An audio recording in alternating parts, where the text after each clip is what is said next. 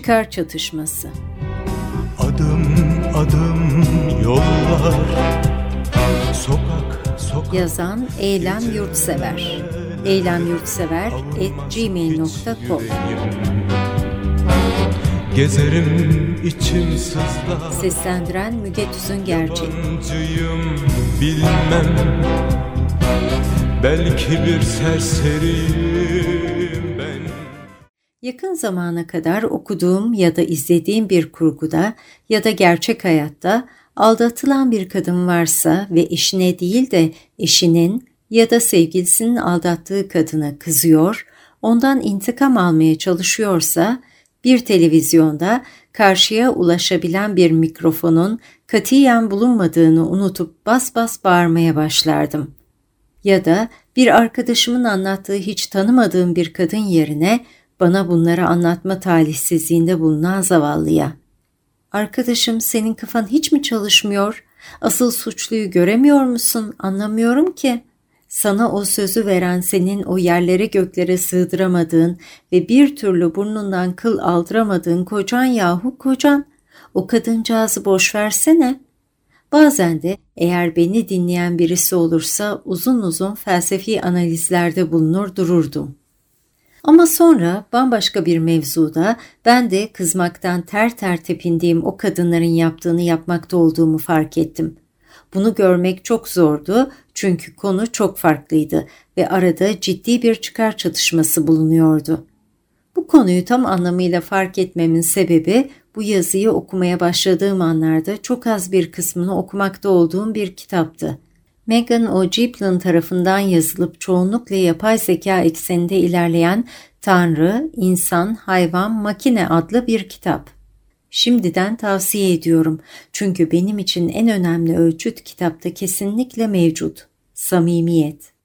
Gelelim benim kafamda bir sürü şeyin oturmasını sağlayan kısma. Saygın bir insanın yapay zekaya sahip sesli asistanına bağırıp küfürler ettiğini itiraf edişinden bahsediyor kitap. Hatta eşiyle birlikte bağırıyorlar zavallı asistana. Bunu yapmalarının eşiyle birleşmelerini sağladığından falan bile bahsediyordu kitapta. Zavallı hedefin hedefe kilitlendikleri ve öfkelerini ondan çıkarttıkları için bir tür düşman haline geldiğinden. İşte benim aklıma birden o zavallı insanlar geldi.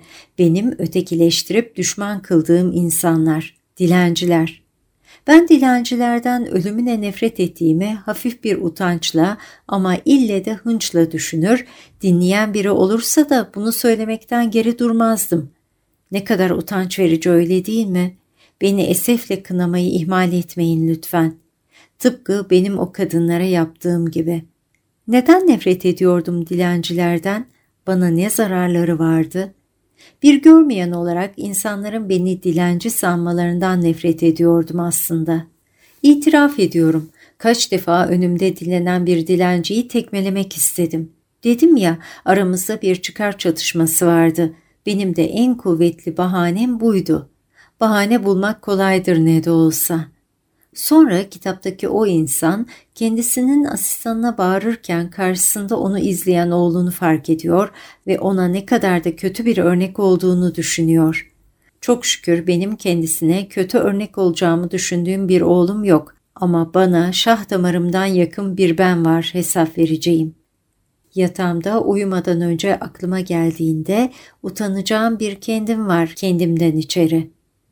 Bahsettiğim olaylardaki o rakip kadınlar arasında da bir çıkar çatışması vardı.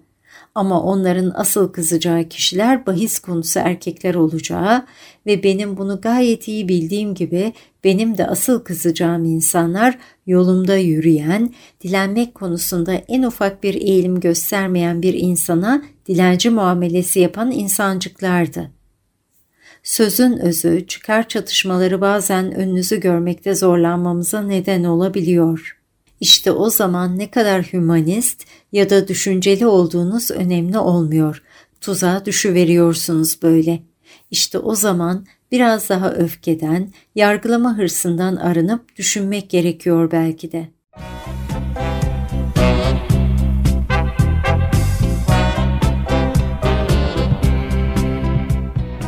Çıkar çatışması. Adım adım yollar Sokak sokak Yazan Eylem Yurtsever. Eylemyurtsever.gmail.com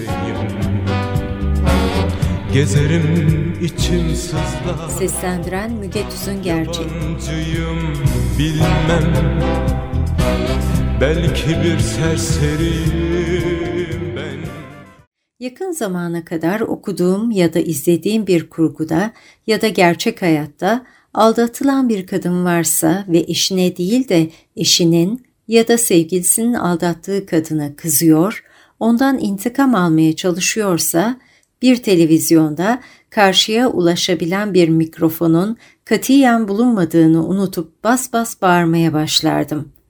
Ya da bir arkadaşımın anlattığı hiç tanımadığım bir kadın yerine bana bunları anlatma talihsizliğinde bulunan zavallıya. Arkadaşım senin kafan hiç mi çalışmıyor? Asıl suçluyu göremiyor musun? Anlamıyorum ki. Sana o sözü veren senin o yerlere göklere sığdıramadığın ve bir türlü burnundan kıl aldıramadığın kocan yahu kocan. O kadıncağızı boş versene. Bazen de eğer beni dinleyen birisi olursa uzun uzun felsefi analizlerde bulunur dururdum. Ama sonra bambaşka bir mevzuda ben de kızmaktan ter ter tepindiğim o kadınların yaptığını yapmakta olduğumu fark ettim. Bunu görmek çok zordu çünkü konu çok farklıydı ve arada ciddi bir çıkar çatışması bulunuyordu. Bu konuyu tam anlamıyla fark etmemin sebebi bu yazıyı okumaya başladığım anlarda çok az bir kısmını okumakta olduğum bir kitaptı.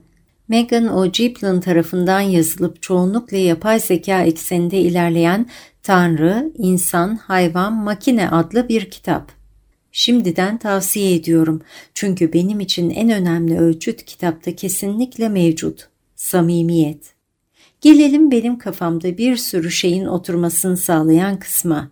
Saygın bir insanın yapay zekaya sahip sesli asistanına bağırıp küfürler ettiğini itiraf edişinden bahsediyor kitap. Hatta eşiyle birlikte bağırıyorlar zavallı asistana. Bunu yapmalarının eşiyle birleşmelerini sağladığından falan bile bahsediyordu kitapta.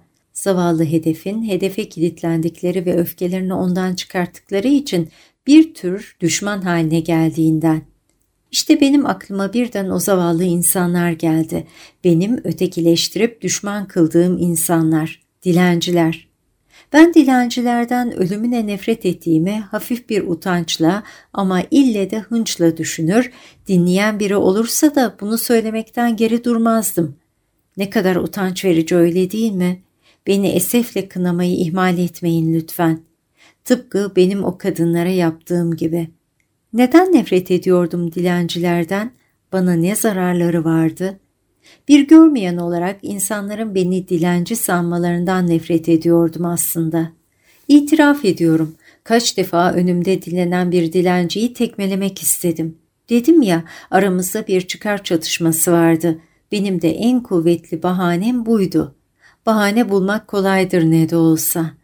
Sonra kitaptaki o insan kendisinin asistanına bağırırken karşısında onu izleyen oğlunu fark ediyor ve ona ne kadar da kötü bir örnek olduğunu düşünüyor.